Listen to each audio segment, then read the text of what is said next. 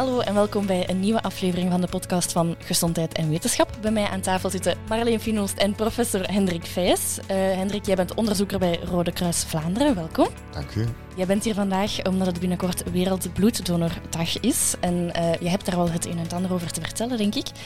Um, maar misschien eerst, jullie komen met een enorm tekort aan donoren bij het Rode Kruis dit jaar, de afgelopen jaren. Hoe komt dat? De, de grondreden waarom we weinig donoren hebben, die, die is mij niet altijd even duidelijk. Maar de retentie van donoren is wel erg belangrijk en daar moet hard op ingezet worden. We hebben vaak nieuwe donoren, um, maar om mensen ook effectief te laten terugkomen, bij luwtes, maar even goed bij pieken, uh, dat is toch een opdracht. En, en, met retentie bedoel je mensen die één keer komen en dan niet meer uh, terugkomen? Klopt, ja, zo is mhm. dat. Ja. Dat is overal, dat is niet alleen in, in Vlaanderen zo, dat is overal ter wereld. Is dat, was, was is dat een uitdaging. van de COVID-crisis, corona? Ja, de covid-crisis heeft daar zeker toe bijgedragen, maar ook de momenten waarop de mensen zelf effectief ook ziek waren. Hè. Dus wanneer, ah, wanneer, wanneer er een piek was van ziekte, niet alleen covid, maar dan is ook griep gekomen en zo, dus in het mhm. voorjaar van dit jaar. En de, de bloedvoorraad, die begint dan altijd te slinken een paar weken na dat de mensen niet meer komen. Hè, want je hebt altijd een klein beetje voorraad natuurlijk. En dan begint die te zakken en dan, dan moeten er campagnes opgestart worden om opnieuw donoren te werven. Ja, we hebben bij Gezondheid en Wetenschap ook de oproep gelanceerd. Ik denk dat er bepaalde bloedgroepen, daar was een tekort aan. Op een bepaald moment alle bloedgroepen. Of alle bloedgroepen, alle bloedgroepen stonden kritiek. Ja. ja. Ja. zo is dat. Zo is mhm. dat. En, en dat is soms ook een misvatting, denk ik. Dat sommige mensen zeggen, ja, ik heb een bloedgroep die vaak voorkomt. Uh, dus misschien moet ik dat niet geven of niet komen. Het is natuurlijk ook omgekeerd. De bloedgroep die mhm. vaak voorkomt, is ook degene die vaak gevraagd wordt in de ziekenhuizen. Dus eigenlijk hebben we alle bloedgroepen uh, meer dan nodig. Maar we proberen ook wel gericht te werven wanneer bepaalde bloedgroepen uh, te laag staan. Ja, want ook als je een bepaalde bloedgroep hebt, ik heb bijvoorbeeld AB-positief, met mijn bloed zijn ze niet veel, maar ik mag dan wel plasma gaan geven omdat ik universeel plasmadonor ben. Ja, en daar hebben ze mij graag. Ja, zo is dat. Hè. Dus uh, dat, is ook, uh, dat is ook niet altijd eenvoudig om uit te leggen, maar het klopt natuurlijk dat de meeste mensen wel weten dat O-negatief bloed heel belangrijk is, maar dan spreken we eigenlijk over de rode cellen. Maar in bloed zitten er, zitten er ook bloedplaatjes en zit er ook plasma. En daar is de universele plasmadonor, is niet de O-donor, maar de AB-donor. Dus daar hebben we natuurlijk heel, heel graag het plasma van. Dus dat plasma, er is ook een verschil tussen het plasma afhankelijk van de bloedgroep. Ja, zo is dat. Ja. Dus je hebt iemand met AB-bloed heeft AB-plasma, dus. Zo is dat, ja. ja. En wat wordt er met dat plasma gedaan? Wel, bloedplasma in, in ons land gaat eigenlijk twee richtingen uit. De eerste richting is rechtstreeks voor transfusie. Dat wordt gegeven aan mensen met bijvoorbeeld brandwonden, ook met mensen met bepaalde stollingsziektes. Um, maar anderzijds is er een heel hoge nood, en dat is Europees een heel hoge nood, aan bloedafgeleide, plasma-afgeleide medicijnen. We noemen dat stabiele derivaten met een moeilijk woord. En dat zijn eigenlijk uh, moleculen die in ons plasma zitten en die op dit moment nog niet industrieel kunnen gemaakt worden. Daarmee bedoel ik vertrekkende vanuit grondstoffen, synthetisch. Mhm. Dus we moeten die dingen halen uit het plasma. En op dit moment wordt er heel wat plasma uitgevoerd van buiten Europa, omdat er een nijpend tekort is. Ah. Dus plasmadonatie is zeer belangrijk. Um, niet alleen nu, maar zeker ook voor de toekomst, omdat we weten dat in de toekomst het aantal patiënten dat nood zal hebben aan die stabiele derivaten alleen maar zal toenemen. En, en, moet ik me dan voorstellen, er zitten dus eigenlijk medicijnen in ons bloed, in ons plasma. Absoluut. En sommige mensen hebben daar een tekort aan en daarvoor heb je dan plasmadonoren nodig. Is. Ja, zo is dat. Dus, mhm. dus er zijn inderdaad een aantal stoffen, die, dus een aantal van die stabiele derivaten die echt rechtstreekse medicijnen zijn om een bepaalde component in het bloed van een patiënt te vervangen. En, kan je zo'n voorbeeld geven van een, ziekte? Ja, hemofilie bijvoorbeeld. Ah, is, uh, is een, een, ziekte waar... Daar zijn nu wel alternatieve medicijnen voor hemofiliepatiënten die wel goed werken natuurlijk. Dat is een ziekte waarbij dat dus er iets hapert aan de stolling. Inderdaad, ja. Daar zijn bepaalde hemofilie varianten waar, mhm. waar er nu nog een, een stabiel plasmaderivaat voor nodig is. Soms van Willebrandziekte, dat is een vaak voorkomende bloederziekte. Uh, daar heeft men van Willebrandfactor voor nodig, dat zit in, in het plasma. Maar anderzijds, en dat is zeker zeer, zeer sterk bevraagd op de markt, is uh, intraveneuze immunoglobulines. En dat wordt toegediend, dat is een Moeilijk woord, ja. Moeilijk woord. Zoals een soort antistoffen eigenlijk, hè? Ja, zo is dat. Dat is eigenlijk de verzameling van antistoffen, ja. ongedefinieerd. De verzameling van antistoffen die in ons plasma zit. We hebben er gelukkig veel, hè? dus je mhm. kan die wel afleiden uit dat plasma. En dat wordt toegediend aan mensen met bepaalde immuunstoornissen. Ja, oké.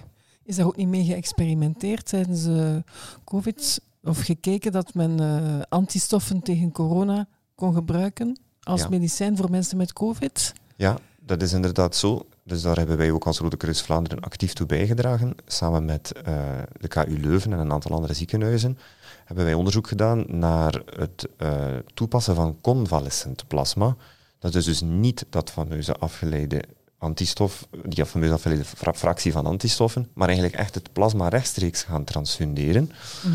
ehm, van donoren die hersteld zijn van COVID. Ja, en in dat, in dat hersteld bloed zitten dan antistoffen, tegen uh, coronavirus. Oké. Ja, zo is dat. Ja, maar we hebben daarover geschreven bij Gezondheid en Wetenschap. Maar uh, hoe zat het nu weer net? Het, is, het was niet echt een groot succes wat men had gehoopt, denk ik, hè?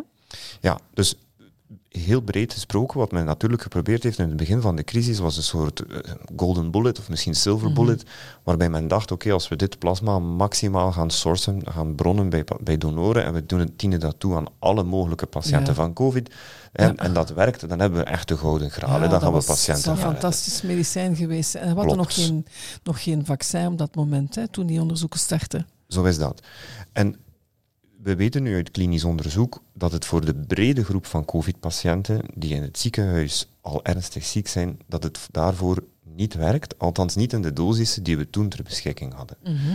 We weten wel dat nu um, mensen die gevaccineerd zijn, die hebben duizend keer meer antistof in hun plasma dan het plasma dat we toen ter beschikking hadden. Oké. Dus er zijn wel wat wetenschappers die zeggen, ja, eigenlijk zouden we dat toch moeten herbekijken en zien of het plasma dat nu kan gedoneerd worden door de mensen die gevaccineerd plus geïnfecteerd zijn, of dat plasma toch niet eventueel zou kunnen werken. Ah, ja. Want er zijn nog altijd patiënten die met ernstige, met ernstige onderliggende immuunstoornissen in het ziekenhuis liggen met langdurige COVID, die eigenlijk op dit moment nog altijd geen behandeling hebben.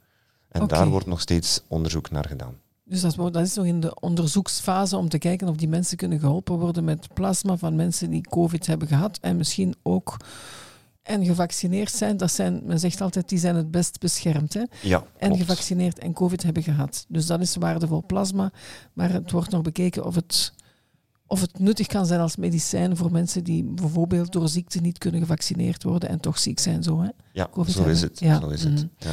En zijn er al eerste resultaten of zo? Of is het nog echt helemaal onbekend wat het wordt? Ja, er zijn wel wat uh, hoopgevende signalen. In de Verenigde Staten is er een uh, studie, uh, die trouwens heel recent in de New England Journal of Medicine gepubliceerd is, um, waar blijkt dat als je vroeg genoeg met dat plasma uw patiënt behandelt, lees wanneer de patiënt nog niet aan een ernstige longinfectie, dus een ernstige pneumonie, leidt, dan zou het plasma zelfs eventueel in die middenrange dosis toch kunnen, uh, toch kunnen werken. Daar zagen ze dat de patiënten die behandeld werden uh, minder snel in het ziekenhuis terechtkwamen dan de patiënten die aan de standard of care of de placebo uh, groep. Uh, dan zou je dus kunnen bijvoorbeeld uh, kwetsbare mensen met immuunziekten bijvoorbeeld, die zou je al kunnen selecteren. Als die ziek worden of als die een besmetting oplopen, die zou je dan eventueel vooraf kunnen behandelen. Want ja, voor, het, voor de gemiddelde, normaal gezonde mens heeft dat weinig zin, denk ik, hè, om al op vooraf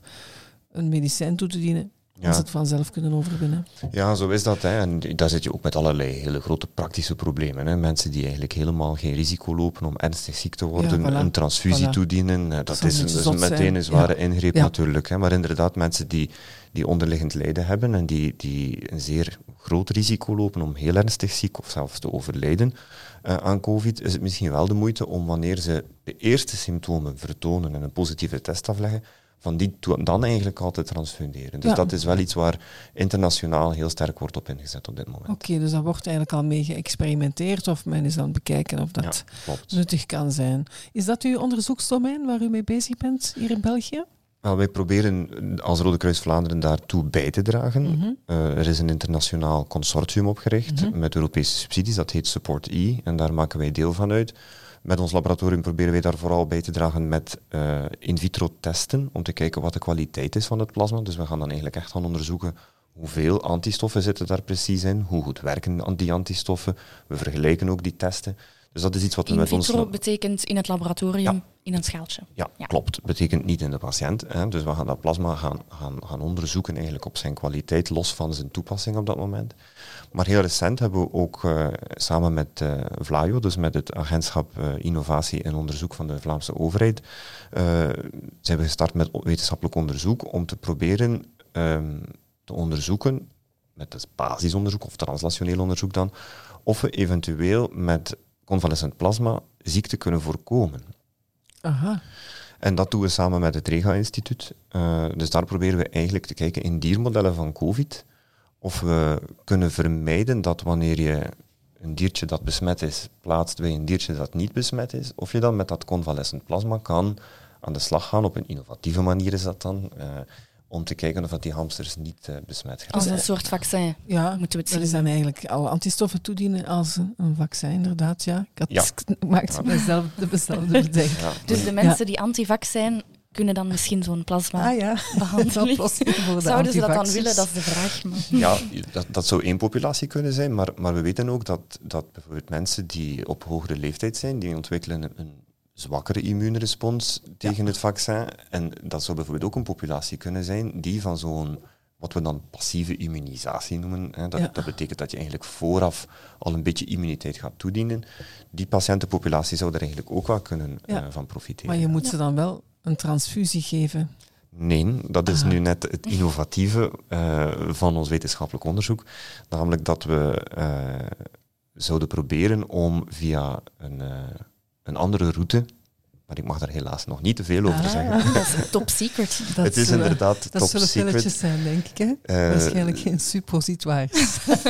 wel, wel, het is natuurlijk zo dat, dat dat wetenschappelijk onderzoek, daar moeten we een klein beetje voorzichtig mee zijn, dat we dat vooraf niet te hard eh, rond, eh, rondvertellen, want anders lopen we het risico om onze intellectuele eigendom te snel weg te Ah, geven ja, of, ja. de of eh, concurrentie, concurrentie op ideeën te brengen. Ja, oké. Maar laten we zeggen dat het, het is in elk geval geen transfusie en het is een hele snelle en makkelijke methode om te gebruiken. En ik, Mhm. kan jullie, ik kan jullie al verklappen dat het in elk geval in de diertjes waar we het geprobeerd hebben eigenlijk goed werkt. Oh, kijk eens aan. Ja. Dus wanneer je het mag vertellen, nodigen we je nog eens uit. Graag, dan kom je het helemaal uitleggen. graag. Dan kom ik met plezier terug. Dus er zijn dus met dat plasma biedt eigenlijk wel wat, eh, wat mogelijkheden, medicament, alleen als behandeling voor, voor ziekte, mensen met eh, bijvoorbeeld, zoals je zei, eh, stollingsziekten, bepaalde tekorten, die kunnen, kunnen plasma krijgen. Dan die immunoglobulines of die antistoffen, die kunnen toegediend worden. Zijn er nog andere toepassingen van plasma? Ehm, wel, we hebben het dus inderdaad over die stabiele derivaten gehad. Dat is denk ik de grootste groep. Mhm. En dan heb je inderdaad natuurlijk de patiënten met trauma. Hè. Dus dat kan gaan over acuut trauma. Mensen die, die bloedverlies hebben geleden, die, die krijgen ook vaak plasma. In plaats van gewoon bloed. Wel, bij, bij, bij trauma, dat is niet mijn expertise, hè, voor alle Mhm. duidelijkheid, maar bij trauma, zoals ik het goed verstaan heb, eh, gaan we eigenlijk de drie componenten van het bloed apart gaan toedienen. Sa-. Ah. Samen, maar we- ze worden niet vooraf gemengd. Dus we gaan plasma, we gaan rode cellen en we gaan bloedplaatjes eigenlijk als een bundel gaan toedienen aan de bloedende patiënt. Aan de patiënt die dus een ernstig trauma heeft. Dus dat is gewoon bloed. Maar dan Ja. apart. Ja. Ja, ja, en daar is dan inderdaad discussie over onder wetenschappers. Mhm. Oké. Eh, en daar wordt ook wetenschappelijk onderzoek naar gedaan. In de zin van, moeten we dan toch niet gewoon wat wij noemen volbloed geven? Ja. Volbloed betekent Ja. dat je rechtstreeks gewoon Mhm. bloed, zonder dat je het splitst Mhm. in zijn componenten gaat gebruiken. Dus daar is, daar is redelijk wat, wat discussie over. Dat wordt soms in eh, militaire operaties wordt dat soms gedaan. Mhm. Maar helaas is dat dan buiten de context van wetenschappelijk onderzoek, waardoor het heel moeilijk is om een controlegroep te hebben en om, dat, echt, om dat echt wetenschappelijk uit te pluizen. ja. dat leidt ons wat te ver, denk ik, hè, met Ja. eh, wat, wat we u, u willen ontfutselen. En die bloedplaatjes, daar doen jullie ook onderzoek naar, eh, maar dat is op een andere manier. Ja, de bloedplaatjes, dat is wat we in het Engels my- pet cell noemen, mijn huisdiercel. Dat is mijn, lievelings, Ah ja, oké. eh, mijn lievelingscel. Daar doen we heel veel wetenschappelijk onderzoek naar. Dat is een briljante cel. En eh, ja, bloedplaatjes die, die worden inderdaad ook toegediend eh, in het ziekenhuis voor mensen die dus een tekort hebben Ja. aan bloedplaatjes. Dat heet, dat heet een trombocytopenie. Trombocytopenie. Ja, Ja. dat is een heel een, een, een moeilijk woord, een Latijnse woord om eigenlijk aan te duiden dat er een tekort is aan, aan bloedplaatjes. Ja, en dat, dat, komt, dat komt wel nog wel eens voor, hè? ja, dat komt ook inderdaad vaker en vaker voor. En de reden Mhm. waarom het vaker en vaker voorkomt, is omdat het vaak eh, te zien is of voorkomt in patiënten die chemotherapie krijgen, patiënten die Inderdaad, kanker ja. hebben. Ja. En vele kankers zijn ehm, chronisch aan het worden, als ik het zo mag noemen, zonder daarom oneerbiedig Ja, te zijn. ja. Eh, het zijn ziektes die lang duren en het zijn Mhm. dus ook vaak ziektes waar patiënten langdurig neveneffecten hebben, Ja. ofwel enerzijds van de kanker, ofwel anderzijds van de behandeling. Mhm. En dan, komt die- dan komen die bloedplaatjes tekort en dan moeten ze dus naar het ziekenhuis voor een En wat zijn de, de symptomen of de risico's wanneer je, bloed, wanneer je tekort hebt aan bloedplaatjes? Wanneer je tekort hebt aan bloedplaatjes, loop je het risico om te bloeden. En dat kan... Er zijn stollingsfactoren in eigenlijk. Ja, hè? Ja, voor een wetenschapper in de, in de stollingswereld, wij splitsen dat. Wij Ah, zeggen, ja, dat is ja, dus in de kerk. Ja, wel, ze werken samen. Ja. Dus bloedplaatjes en stollingsfactoren die, die werken samen tijdens een bloeding, maar de mechanismen die onderliggend zijn, die zijn vaak verschillend. Bloedplaatjes komen eigenlijk vooral tussen wanneer het bloed snel stroomt. En het Mhm. bloed stroomt snel in wat we noemen onze arteriën. Dat zijn de Mhm. bloedvaten De die slagaders, hè? de slagaders die het Ja. dichtst bij het hart liggen. Ja. Eh, en en daar, daar zijn de stollingsfactoren te traag en is het bloedplaatje snel genoeg om een bloeding te Om een verhinderen. gat te dichten of zo. Als Klopt. Er een, ja. En wanneer het bloed traag stroomt, is het eerder de stolling die zal plaatsgrijpen. Maar dat is een beetje een vereenvoudigd beeld natuurlijk. Ze, Mm. ze spelen Mhm. altijd beide een belangrijke rol. Maar dus een bloedplaatjestekort kan dus eh, bloedingen veroorzaken. Zo Nog, is an- dat. nog andere dingen? Een hoger risico op infecties? Ja, dat is inderdaad een, een, een, laat me zeggen, een veld van wetenschappelijk onderzoek waar, Mhm. waar ook opnieuw redelijk wat discussie over is. Puur evolutionair gezien, biologisch evolutionair gezien, zijn bloedplaatjes immuuncellen. Als je teruggaat, Mhm. als je teruggaat op de evolutionaire ladder en je komt bij de amfibieën en zo, Ja. dan zijn de bloedplaatjes eigenlijk immuuncellen. Ja. Dus het idee dat ze bij ons geen immuuncellen zouden zijn, dat kan niet. Hè. Dat zijn ook immuuncellen. Alleen is de rol van bloedplaatjes in het immuunsysteem veel minder duidelijk. Mhm.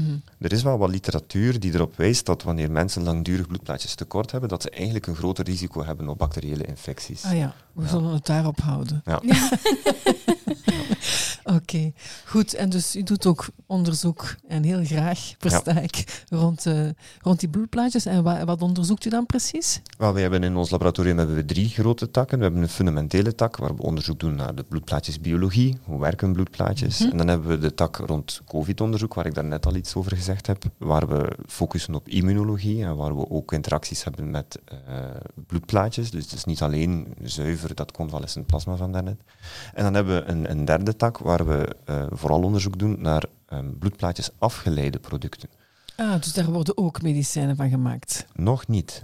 Nog niet. Mhm. Maar we denken wel dat dat in de toekomst zo zal zijn. Oké. Ehm, dus op, op vandaag is het zo dat bloedplaatjes, die, die worden alleen toegediend voor transfusie, dus voor de bloedende patiënt. Mhm.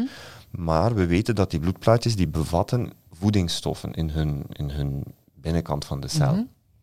En in ons laboratorium hebben we een techniek ontwikkeld om die voedingsstoffen op een heel makkelijke wijze los te maken. En dan kan je die voedingsstoffen eigenlijk gaan gebruiken om in het laboratorium organen of cellen te kweken. Het Vanuit het niks. Ja, wel vanuit stamcellen. Stamcellen. Ja. Ja. Dus je gaat eigenlijk stamcellen eh, gaan oogsten. Dat kan uit allerlei organen of uit restorganen. Maar die, die stamcellen, dat zijn, die beginnen heel klein, die zijn maar niet veel. Die moet je dan laten toenemen om bijvoorbeeld botcellen te maken, om bijvoorbeeld huidcellen te maken. En de vraag is, hoe doe je dat? Hè? Dat wordt gedaan in een medium, in een vloeistof. En die vloeistof die bevat altijd voedingscomponenten. En die voedingscomponenten die zijn juist heel sterk aanwezig in die bloedplaatjes. Ah, oké. Dus bloedplaatjes bevatten ideale voeding voor stamcellen om daar allerlei organen mee te maken. Zo is dat. Oké. Ja. Boeiend onderzoek. Ja, dat is, dat is een heel boeiend onderzoek, Mhm. omdat het ook zo breed is. Dus je Ja. kan, je kan ehm, praten over botonderzoek, je kan praten over huidonderzoek, je kan praten over ogen. Onlangs hebben we een En- aanvraag ja. gekregen voor nieren. Hoe ver staat dat eigenlijk? Heeft men dat al kunnen doen? Een, eh, ja, ik zeg maar wat, een oog kweken uit eh, stamcellen waarbij je dan bloedplaatjes voer aangeeft? Ja? Jazeker. Amai. Eh, Wauw. dat, jazeker, dat onderzoek staat, dat onderzoek staat, laten we zeggen, proof of concept, zoals dat heet, staat dat eigenlijk redelijk ver.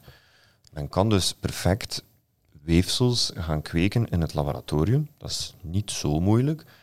Waar het onderzoek, laten we zeggen, op faalt, of waar het altijd heel moeilijk is, is de translatie maken naar de patiënt.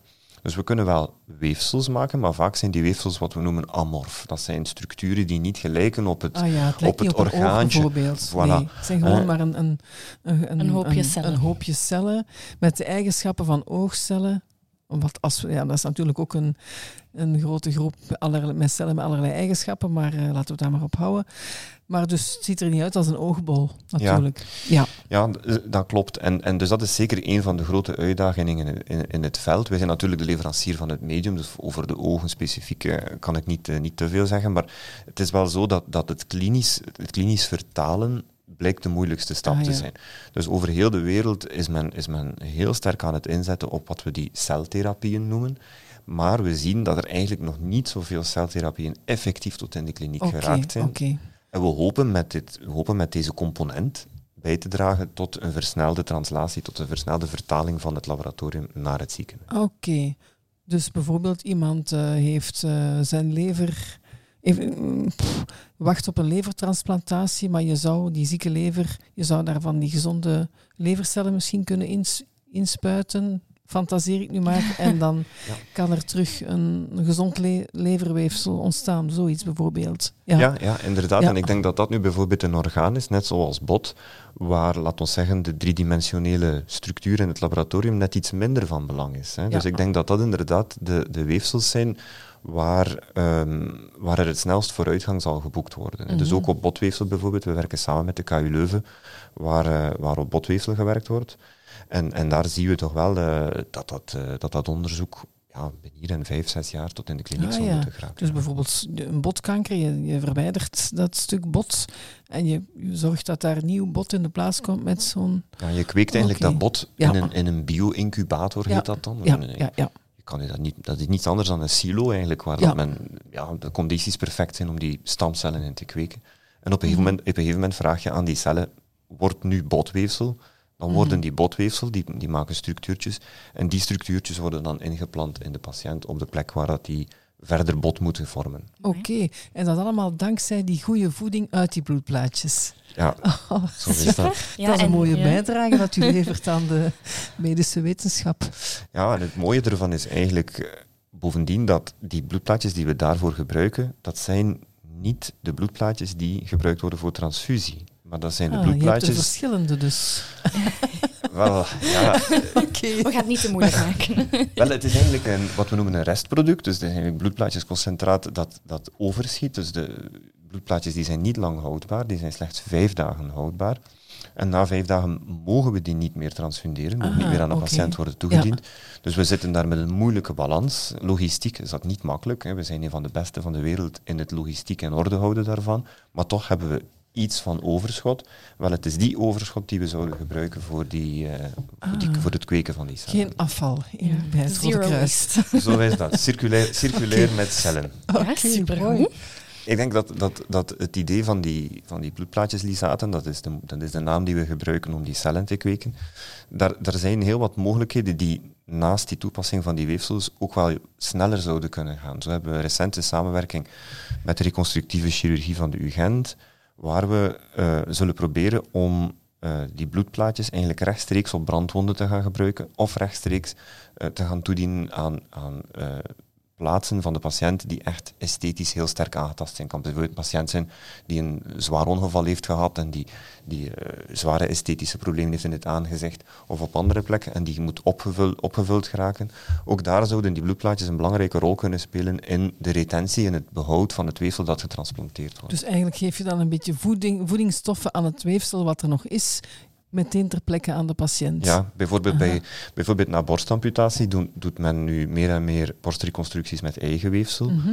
Maar er zijn nogal wat uitdagingen. Een van de uitdagingen is dat het eigen weefsel soms wat men noemt geresorbeerd geraakt. Dat betekent dat het lichaam dat eigen weefsel veel te snel weer opneemt, waardoor het de borst eigenlijk niet hersteld geraakt. Mhm, mhm. Nou, daar hopen we eigenlijk om met eh, het toevoegen van bloedplaatjes aan het eigen weefsel, en dat kunnen trouwens ook de eigen bloedplaatjes zijn, om die structuur langer uh, ter plekke te houden en ervoor te, te, verhinderen dat het lichaam dat resorbeert. Oké, ik denk dat we allemaal begrepen hebben waarom bloedplaatjes zo'n uh, ja, ja, favoriete cellen zijn van Hendrik Vijs. Maak vandaag je afspraak, ga doneren. Inderdaad, Zeker. graag. Ja, dus het is veel meer dan... Ja, ja. Hè, men haalt er onwaarschijnlijk veel uit, uit, die, uit dat donorbloed. Ja, we moeten uh, zo snel mogelijk een afspraak maken, Amber. Ja, voilà. Ik mag even niet, maar Oh, dat terzijde. um, ik kreeg recent flashbacks um, naar twee jaar, drie jaar geleden ondertussen. Toen uh, de COVID net begon, waren we hier allemaal lacherig over het nieuwe coronavirus bezig. Um, nu is er zo'n nieuw virus aan het opduiken, het, het apenpokkenvirus. Is dat ook zoiets dat jullie kunnen opsporen in plasma? Oei, dat, uh, dat, ja, dat weet ik niet. Wij, wij doen dat in elk geval op dit moment niet. Uh, maar het is wel zo dat onze medische staf altijd heel erg waakzaam is uh, voor het opduiken van nieuwe virussen. ook het West Nile-virus trouwens is zo'n virus dat aan het opkomen is. Waarschijnlijk een gevolg, denken we, van de global warming. Mhm. Um, en dat, we moeten altijd opletten als er nieuwe virussen in de populatie opduiken, moeten we ons als bloedinstelling de vraag stellen, kunnen die virussen overgedragen worden via transfusie. Ja, want En dat- voor, voor corona is dat niet het geval, het coronavirus. Ja, inderdaad. Eh, Er is geen viremie bij coronavirus Ja. vastgesteld. Dus dat betekent, viremie betekent dat het virus in het bloed zit. Ja. Eh, en dus dat, dat was een hele geruststelling. Maar ook daar is er dus internationaal sterk op ingezet in het begin om te kijken, ja, we moeten er toch voor zorgen dat er geen virussen via, de, Mhm. via het bloed worden overgedragen. Want de geschiedenis heeft ons geleerd dat bloedoverdraagbare Ja. aandoeningen, dat dat toch wel Ja. voor heel wat leed kan zorgen. Hè. Ja, ja, ja. Ja. Dat is HIV. Maar dus van het apenpokkenvirus, ja, dat is nog koffiedik kijken, denk ik. Hè. Dat weten we nog niet. Maar het is, geen, het is wel een bekend virus, denk ik. Het zat al lang in, in Afrika. Het komt nu ook wat, eh, duikt nu plots ook hierop. Is in het verleden ook nog wel eens een paar keer in Europa gesignaleerd. Ik denk dat we vandaag op een tiental, begin juni, een tiental gevallen zitten in België. Het is natuurlijk weinig besmettelijk. Maar toch, hè, we, Ja. we horen nu virus en we denken, oh jee, wat, eh, wat komt er Voilà. Want weten we van waar dat die plotse verspreiding komt? Het zit zo, al, zo lang al in Afrika, maar eigenlijk de rest van de wereld niet.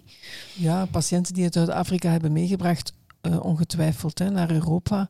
Eh, ik denk dat de eerste gevallen in Groot-Brittannië zijn opgedoken. Dat zit dan ook eh, dan bij ons een aantal gelinkt aan een eh fetishfestival hè, voor eh, homoseksuele mannen in Antwerpen. Hè. De meeste Ja. gevallen zijn daaraan gelinkt. Waar eigenlijk wordt alleen maar overgedragen via nauw, lichamelijk contact, nauw langdurig lichamelijk contact. Dus het is zeker niet zo besmettelijk als het coronavirus. En ja, echt een behandeling hebben we niet. Hè. Ook niet uit het plasma. Maar eh, blijkbaar toch niet echt alarmerend, eh, zegt Mark van Ranst. Maar Mark van Rans zullen we volgende keer uitnodigen. Mag jij het helemaal komen uitleggen? Ehm, in mei was het ook fiets naar je werkdag. En dan moesten we allemaal met de fiets naar het werk. Wij doen dat eigenlijk sowieso al, hè Marleen? Ik weet niet of jij met de fiets ja. naar het werk gaat, Hendrik? Jazeker, met de motorfiets. Met de motorfiets. Ah, Maar de kilometers zijn net iets te, iets te lang om effectief eh, met de fiets te gaan. Maar ik, ik neem me voor om elk jaar drie tot vier keer toch gewoon met de fiets eh, naar eh, het werk te gaan. Maar en dat, is hoeveel kilometer is het, woon je van je werk? dat is dan 120 kilometer op één dag. O ja, Ah ja, oké, dat goed. kan al wat. Misschien toch eens eh, denken aan een elektrische fiets. Ja, ja. Ehm, of een speedelec. speedpedelec. Ja. Speedpedelec, hè, ja. Ehm, maar dan kijk ik naar Marleen, want is een elektrische fiets gezond? Is het goed voor de conditie, bedoel je dan? Ja. Eh, wel, mensen die, die weinig beweging hebben, weinig lichaamsbeweging en zich een elektrische fiets aanschaffen, en dat zijn er heel veel de laatste jaren, die doen zeker iets goed voor hun gezondheid. Absoluut. Je moet nog een beetje trappen. Hè. Zoals je zelf zegt, en als je in een heuvelachtig gebied woont en je zet dat niet op turbo de hele tijd, dan eh, heb je wat beweging uiteraard. Beter dan met de wagen gaan of niet bewegen. Voor de mensen die eh, overschakelen van een gewone fiets naar een elektrische fiets, kan je je vragen bij stellen. Voor lange trajecten is dat natuurlijk interessant. En het is zo dat mensen die een elektrische fiets kopen, vaker langere trajecten doen. Gewoon werkverkeer bijvoorbeeld. Natuurlijk niet als je zo ver als Hendrik woont van het werk, maar, maar als je op, op een 20, 30 kilometer woont, is dat wel een interessant vervoermiddel. En dan, eh, die mensen fietsen dan meer en dat compenseert die doen. Dus die conditie blijft hetzelfde. Dus gewoon een fiets, elektrische fiets, als je meer fietst, dan is dat oké. Maar als je gewoon de, de, de, gewoon fietsen altijd vervangt door elektrisch en niet meer gaat fietsen, dan gaat je conditie een beetje kan je wat verminderen. Je verbrandt bijvoorbeeld minder calorieën, dus je moet wat minder kracht gebruiken. Maar ja, goed, het hangt ook weer allemaal van het terrein af en zo verder. Het is fietsweer, um, want de zon schijnt. Is het dan ook smeerweer? Smeerweer, smeerweer. We hebben er heel wat uh, discussie over gehad de voorbije uh, maand met de campagne ook van de Vlaamse overheid Smeerweer. En die campagne die benadrukt heel erg dat je ook dat je eigenlijk één, drie dingen moet doen. Uh, uit de zon blijven, dus de schaduw opzoeken, je kleden tegen de zon en smeren. En dat smeren is eigenlijk ondergeschikt aan de andere twee. Uh, mensen denken, verwachten te veel van zonnecrème. Dat is een probleem. Men denkt van, oh, zonnecrème, ik kan nu in de zon liggen bakken. Ik heb zonnecrème uh, gesmeerd, factor 50. Uh, dat is helaas niet zo. De, het risico op huidkanker eh, blijft nog altijd toch redelijk hoog als je in de zon zit, ook met zonnecrème. Het vermindert maar met een maximum, met een 20% als je smeert. Dus het is eigenlijk beter om in de schaduw te gaan zitten. En om je eigenlijk ook wat uh, licht te kleden uh, tegen, uh, tegen de zon. Hè. Die zonnecrème is een beetje over het paard getild. Hè. Mensen verwachten, denken dan dat ze helemaal beschermd zijn. Ja, dankzij de vele reclame daar rond natuurlijk. Hè. Dat is, ja. Maar mogen we het in hetzelfde hokje duwen als de vitaminesupplementen? Um, als in, daar is eigenlijk geen bewijs voor, het is pure commerce. Nee, het, zal wel iets, het doet wel ietsje af. Het probleem is dat mensen het, het, het gevoel hebben dat ze helemaal veilig zijn om in volle zon te gaan zitten. Dat is de fout.